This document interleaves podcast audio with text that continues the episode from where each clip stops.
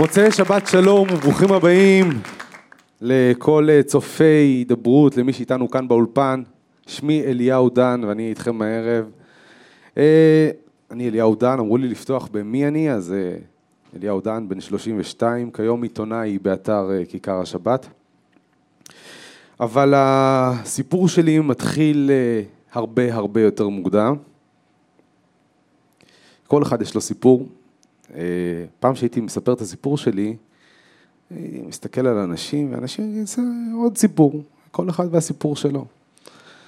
אבל הערב, מה לעשות, אתם פה, ואתם אה, מול הסיפור שלי. ואני מקווה שבסוף הסיפור הזה כל אחד ואחד ייקח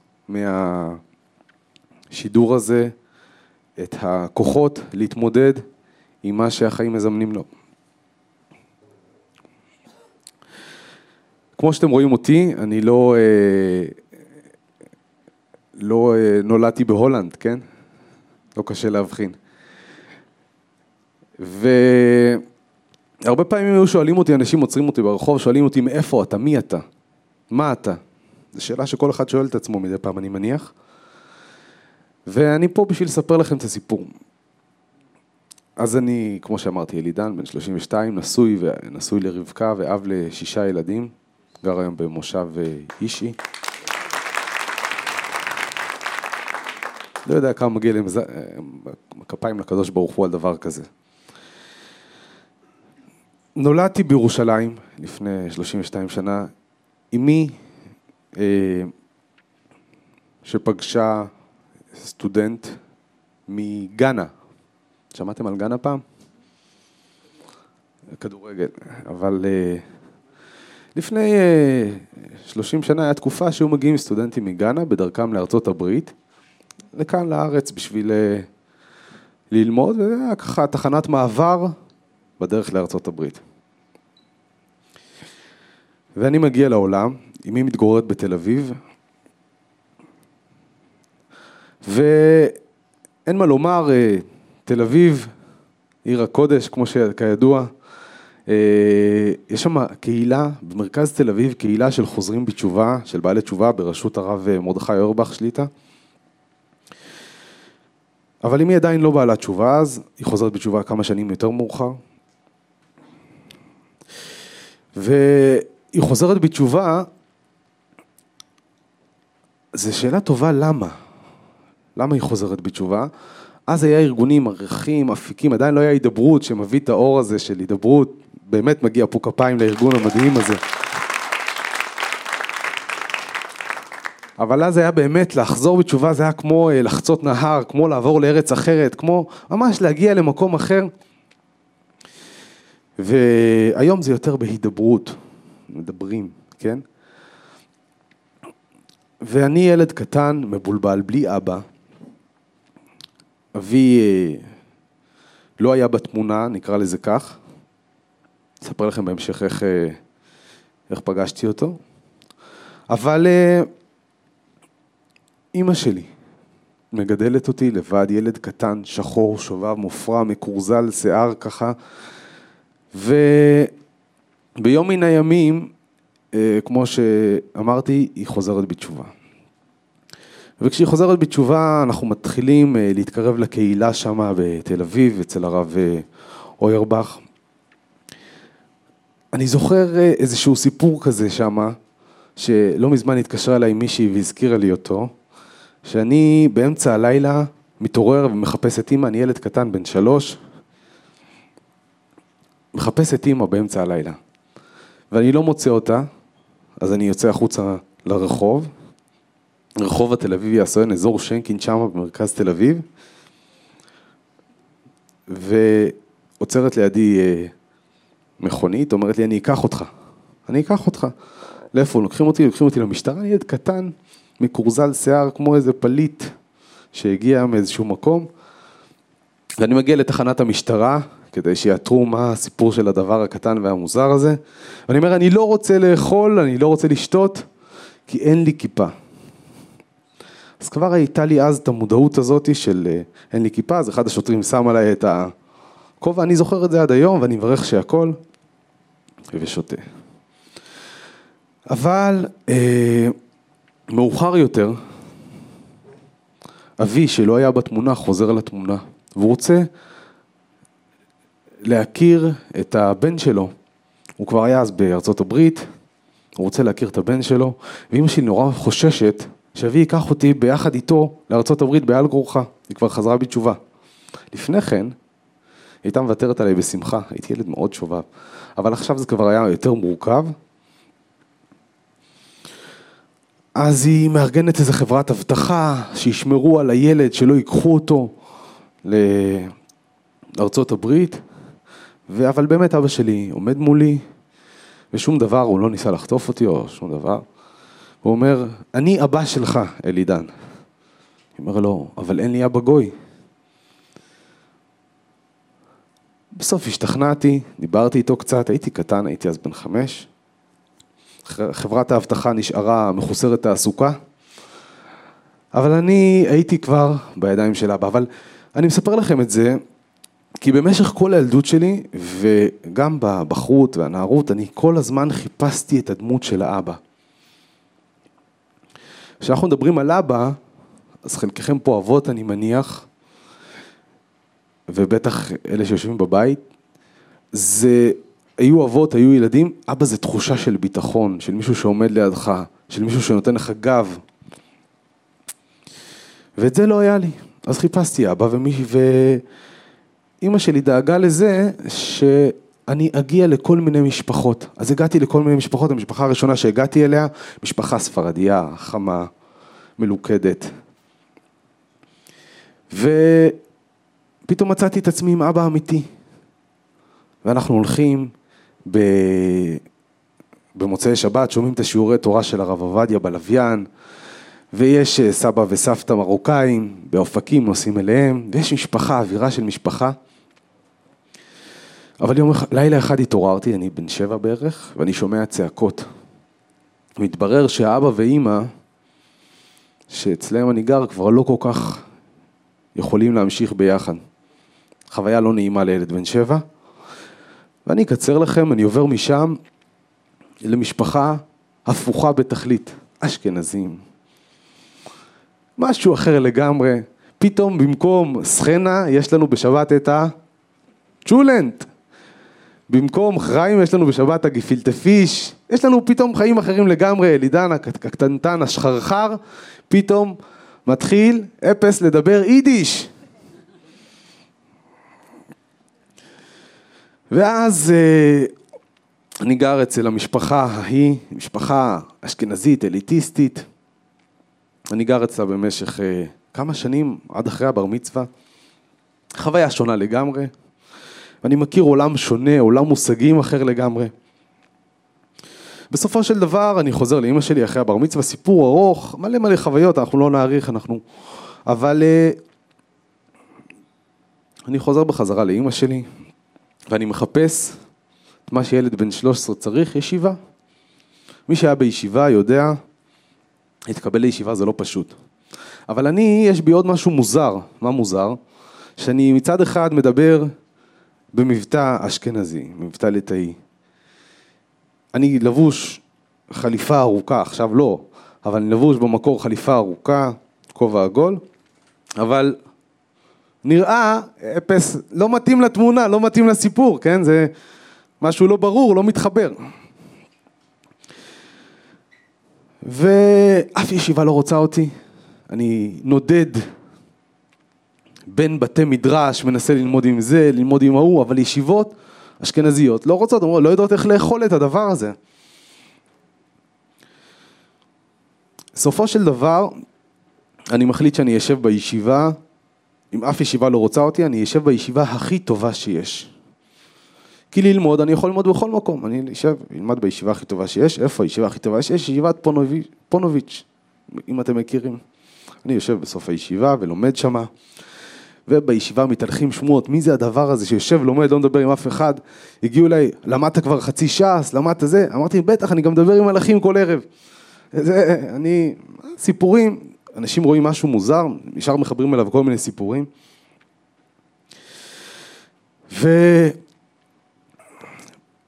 וניסי ניסים, בתום שבועיים, סיפור ארוך, אני מתקבל רשמית לישיבה. אני מתקבל רשמית לישיבה, אבל עדיין מבפנים משהו, אני שונה, אני זר, אני מוזר, גם לעצמי. אני, בתוך תוכי אני יודע שאני, משהו חריג, משהו לא תקין כאן בסיפור הזה. אז עוברות כמה שנים ואני מתקבל ועובר לישיבה גדולה. אני מרגיש אבל שאני, יש לי אתגר שאני צריך לפצח אותו. ואז אני עובר לגור בחזרה איפה שנולדתי, בתל אביב, אצל הדודה שלי, ואני נוסע כל יום בין תל אביב לבני ברק באופניים. בין תל אביב לבני ברק זה שני עולמות שונים לגמרי, באחד רודפים אחרי הקודש, באחת רודפים אחרי דברים, גם קודש, אבל גם רודפים אחרי חול. והמאבק הזה בין העולמות השונים מייצר אצלי איזשהו סוג של התמודדות שצריך להכיל אותה. אתה רואה את כל היופי, כל היופי שיש בעולם המערבי, הנאור, התרבותי. יש שם הרבה מאוד, יפת אלוקים ליפת, יש שם הרבה מאוד יופי, הרבה מאוד חן, הרבה מאוד... אבל אתה כבר מכיר את הטעם של התורה, את המתיקות של התורה, את האמת של התורה. אז אני חזרתי בתשובה. אבל נולדתי, כמעט נולדתי כחרדי, כן? גדלתי כל חיי כחרדי, אבל עדיין חזרתי בתשובה. מה זה אומר? אני חושב שזה אחד הדברים הכי מיוחדים שיש בדור שלנו, שחרדים חוזרים בתשובה. זה אומר שהם מכירים את העולם השני, הם רואים אותו, ועדיין הם אומרים, אנחנו בוחרים לעבוד את השם. זה מאוד מאוד קל שאתה נמצא בפינה שלך, בבני ברק שלך, בשכונה שלך, לעבוד את השם, להגיד אני בוחר בחיי תורה, בחיי מצוות, אבל כשאתה חשוף לעולם אחר, לעולם של נוצץ, לעולם... אה, אז זה בחירה שהיא הרבה הרבה יותר בעיניי משמעותית. האם צריך ללכת לשם, לעשות את זה? אני לא, חס וחלילה. אבל אני כחרדי שחזר בתשובה, התחלתי לכתוב על זה, והתחלתי לחבר שירים סביב זה. אמרתי, איך אני אבטא את זה? איך אני אבטא את, את מה שעובר לי בנפש, את המעבר הזה כל יום בין בני ברק לתל אביב, בין בני ברק, בין, בין תורה, בין אנשים שלומדים 20 שעות ביממה, לבין אנשים שעושים דברים אחרים 20 שעות ביממה. ממש חיים אחרים לגמרי, והתחלתי לכתוב על זה שירים. והתחלתי ליצור מוזיקה סביב זה. אחד השירים, הוצאתי אלבום לפני כמה שנים, אחד השירים נקרא מילים פשוטות. בשיר הזה אני בעצם יושב מול המסך ומדבר אל המסך ההוא שמכר לנו את כל הסיפורים האלה, את כל האגדות על היופי ועל הנוצץ ועל הדברים האלה שנראים לנו כל כך טוב מהמסך, אני אומר לו, אני מכיר אתכם ואתם לא אותי, אני מביט בעיניכם ואתם לא בשלי, את האמת שלי אני אגיד מהמקום של השחקן אין תפקיד, מקום שבו כבר אין תפקיד למשחק הזה ולכל ה... לכל השקר הזה שאתם מוכרים לנו. ואני מסיים את השיר ואומר, שיר ארוך, אני מסיים את השיר ואומר, האם לא די, עץ השקר פקח את עיניי, תפוח מורעל הגיש לפניי, זאת אומרת העולם הזה המערבי מוכר לנו איזו אשליה של אה, שקר, של משהו נוצץ וקסום, אמנם אנחנו יודעים שזה לא היה תפוח, יש מחלוקת מה היה בגן עדן, אם זה היה חיטה או תאנה או גפן, אבל אני מדבר ככה על המסך ומטיח בו את ה... למה מכרת לי את כל השקר הזה? כי בהתחלה זה נראה נורא מפתה. כן? עד שאתה מתחיל להבין שאתה רוצה דברים שאתה לא באמת רוצה, שישטפו לך את הראש לרצות אותם. אבל זה לא כזה פשוט, למה? כי העולם שלנו הוא לא שחור לבן. זה לא שאם אתה עושה, מקיים חיי תורה ומצוות, עושה כל מה שצריך לעשות, אז אתה חי בצורה מושלמת, ואם אתה חי לא חיים של תורה, אתה חי בצורה גרועה ועל הפנים. זה לא עובד ככה. יש לך קשיים בכל מקום. גם כשאתה, כשבן אדם נמצא במקום הכי בטוח שלו, גם כשהוא נמצא בתוך הבית שלו, הוא עדיין חווה את הקשיים, הוא עדיין חווה את ה... גם כשבן אדם נמצא בתוך הבית מדרש, הוא יכול לחוות קשיים. וחוויתי קשיים גם בתוך הבית מדרש. השאלה, האם הקושי הזה שיש לנו, שאנחנו נמצאים בחיי תורה, שאנחנו נמצאים בחיי מצוות, האם הוא אומר משהו על, ה, על האם זה בסדר, האם זה צודק, האם אנחנו צריכים להיות בחיי תורה ומצוות? אז כתבתי על זה עוד שיר, ואני לא אאריך בפניכם על כל השירים שכתבתי, אבל כתבתי שיר שנקרא, באמת שמדבר על לחזור הביתה, ובבית לא להרגיש תחושת נינוחות. אתה לפעמים חוזר הביתה, ואתה מרגיש עדיין לא טוב, עדיין לא שקט. בבית גם לפעמים לא מרגישים שקטים. אבל אני לא אדבר איתכם עכשיו כל כך הרבה על השירים. אה, מי שרוצה אחרי זה יכול לשמוע את זה. אני אדבר איתכם רגע אחד על הצורה שבה אה, פגשתי את אה, רעייתי.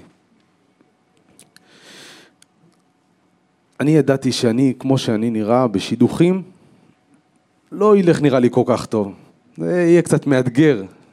אה, בשידוכים, מי שטחו לי, בחור עם מבטא אשכנזי, לומד בישיבה אשכנזית, אבל הוא נראה כמו פליט ממתקן חולות. עוד רגע יסגירו אותו בחזרה לאריתריאה, איפשהו שמה. ואמרתי לקדוש ברוך הוא, אתה תשלח לי את מה ש... את האישה שאני ראוי לה. היה לי חברותא שהייתי לומד איתו כל ערב, ויום אחד יש איזשהו אירוע מאוד מאוד גדול, שאני אמור אה, ללכת ללמוד עם החברותא, אבל מצד שני יש אירוע מאוד גדול שקורץ לי בצד השני. אירוע שאני כמוזיקאי חייב להשתתף בו, אבל יש לי גם חברותא, אז מה עושים? הולכים לחברותא או הולכים לאירוע? אי אפשר את שניהם ביחד. אני לעצמי, פעם אחת בשביל ריבונו של עולם, פעם אחת תיתן משהו מעצמך. ואני הולך לחברותא ולומד איתו ומרגיש, התגברתי פעם אחת. ובסוף האירוע אנחנו הולכים כמה חברים לשחק אה, כדורסל, בסוף החברותא, ושם אני פוגש איכשהו את אה, מי שתהיה אשתי לעתיד, רבקה, ואני יודע שאם לא הייתי הולך לחברותא, לחברותא הזאת, לא הייתי פוגש אותה בחיים. זה פשוט לא היה קורה. אז הקדוש ברוך הוא שולח לנו דרך כל מיני מקרים כאלה, דרך כל מיני אירועים סתמיים כאלה, שרק צריך להסתכל עליהם, שולח לנו כל מיני רמזים לזה, שנכון שלפעמים דרך הש... בדרך השם צריך לוותר על הרבה דברים, צריך לפעמים, דברים לפעמים לא הולכים כמו שצריך, צריך להתאמץ, אבל הקדוש ברוך הוא איתך, הוא רואה אותך מאחוריך, הוא רואה את המאמץ שלך, את העוד קצת השקעה שאתה נותן, והוא גם מתגמל אותך על זה. אבל אני רוצה לדבר איתכם על הדבר בעצם שהכי חשוב לי בימים אלה. בגיל בערך 17, שאני כותב את כל השירים האלה שסיפרתי לכם מקודם, אני עובר יום אחד ברחוב ורואה איזושהי מכונית מאוד מאוד יפה. מאוד מאוד יפה כזאת, מכונית שמסתכלים עליה, וואו, מה זה המכונית הזאת? וילד בן 17 מתלהב עם מכוניות, ואז כשהמכונית עוברת, אני רואה שעל ה... מאחורה שלה יש סמל של נכה, תג נכה. חס וחלילה, אני לא רוצה להגיד שום דבר רע על נכים. אה, סיפרתי לכם על אמי, היא בימים אלה מתמודדת עם, אה, עברה איזשהו ניתוח מאוד קשה, וצריכים לכרות לה את הרגל. אבל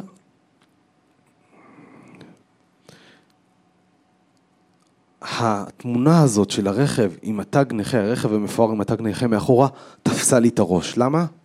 כי היא סיפרה לי הרבה מאוד על השקר שיש בעולם הזה, על זה שאנחנו רואים לפעמים איזה משהו שנראה מאוד מאוד יפה, אבל, הוא, אבל באמת מאחוריו מסתתר איזשהו תרמית מסוימת. הרבה פעמים בחיים שלנו אנחנו שבויים בשבי הזה של התרמית הזאת שהעולם הזה מציג בפנינו. ואז כתבתי שיר, שאחרי זה זמר צעיר, אז היה אנונימי כמעט, בשם מידע טסה, קנה אותו ממני. השיר נקרא אושר, ובפזמון זה הולך, אושר לא בא ממכונית יפה, אושר לא בא מאישה יפה, אושר בא מתוכך, אושר זורם בנשמתך. הייתי אז ילד בן 17, לא היה לי אז לא מכונית יפה, ולא אישה נאה, ולא דירה נאה, כמו שמידד החליף את המילים. אבל אמרתי לעצמי, אלי, האושר לא בא משם. חלפו שנים, ואני בגיל 22, והשם ברוך השם חנן אותי, והנה יש לי גם מכונית חדשה, ויש לי גם דירה חדשה, ויש לי גם אישה שכבר הייתי נשוי לה, ברוך השם.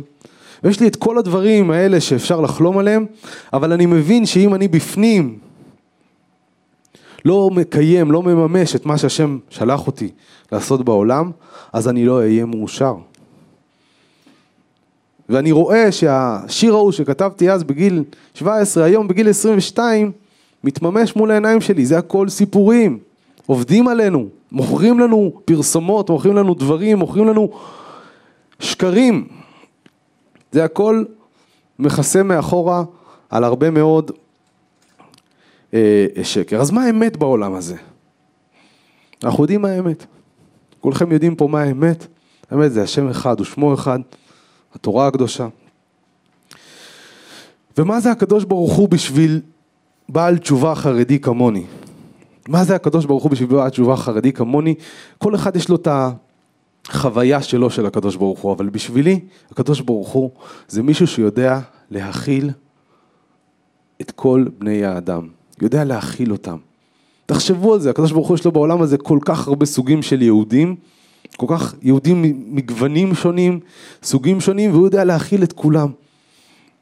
כן, מלך, כתוב שהקדוש ברוך הוא מלך סובל, הוא סובל את כולם. ישבתי יום אחד באיזה אירוע, שהזמינו אותי לדבר, הייתי אז אה, מנהל בישיבת התפוצות, ישיבת התפוצות זה גם ישיבה מיוחדת מאוד, מי שמכיר, שיודעת להכיל הרבה מאוד סוגים שונים של אנשים. בישיבת התפוצות אתה נכנס ואתה רואה, יושבים אחד ליד השני אה, נטורי קרתא, ויושב לידו אתאיסט גמור. ושניהם יושבים לומדים חברותא. הם מכילים את כולם, כל מי שרוצה לבוא ללמוד תורה, תבוא תלמוד תורה, לא בודקים מאיפה אתה, למה אתה, מאיפה באת. ואני יושב באירוע הזה ולידי יושבים כומר, קצין משטרה, ויושב, מי עוד יושב? יושבים מכל הדתות, בקיצור, סוכן מוסד, סוכן שב"כ לשעבר, יושבים עם כל מיני, עם כל הדתות, כל הגוונים, אני החרדי היחיד, הזמינו אותי. ואני אומר להם, תראו, יש שיר של זמר מפורסם בשם אה, ג'ון לנון, שמספר לנו ואומר לנו, Imagine all the people, תדמיינו את כל העולם, בלי דתות, בלי גבולות, בלי... Uh, כמה זה יפה יכול להיות שכולם ביחד. בכנס הזה הם חיפשו איך אפשר לייצר איזשהו מקום שבו כולם חיים ביחד. אבל הנה ג'ון לנון מציע לנו בואו נבטל את כל ההבדלים בינינו, נבטל את כל הדברים, בואו נבטל את הכל ואז נחיה כולנו ביחד. אבל אמרתי להם דבר כזה, תראו, אם אנחנו מבטלים את הכל וכולנו נהיים אותו דבר, זה לא חוכמה לחיות יחד. למה? כי למה שאני אריב איתך אם אתה בדיוק אותו דבר כמוני? אבל אם אנחנו שונים לגמרי, אני שחור, אתה לבן, אני גנאי, אתה מרוקאי, אתה אשכנזי, אתה לטאי, אתה, אתה מה שאתה ואני שונה לגמרי ממך, אז לחיות ביחד אז להכיל אחד את השני, זה החוכמה. אותו דבר יום אחד בפונוביץ', סיפרתי לבחורים, אמרתי להם, למה שהמשיח לא יבוא ויעשה סדר? כתוב שהמשיח לא בא עד שמבטלים את השנאת חינם? שהמשיח יבוא ויגיד לזה, אתה צודק, אתה טועה, אתה זה, ואז לא יהיה שנאת חינם. אמרתי להם דבר פשוט. אם המשיח יבוא ויגיד לאשכנזים, אתם צודקים, צריך לאכול קוגל, יגיד לספרדים, אתם צודקים, צריך לאכול חריימה, יגיד, אתם צריך, צריך להתפלל ככה. ישר יבואו כל האשכנזים, יגידו לו, תקשיב, אתה לא משיח, אתה ספרדי, איך ספרדי יכול... אלא מה? עד שאנחנו לא נלמד להכיל אחד את השני,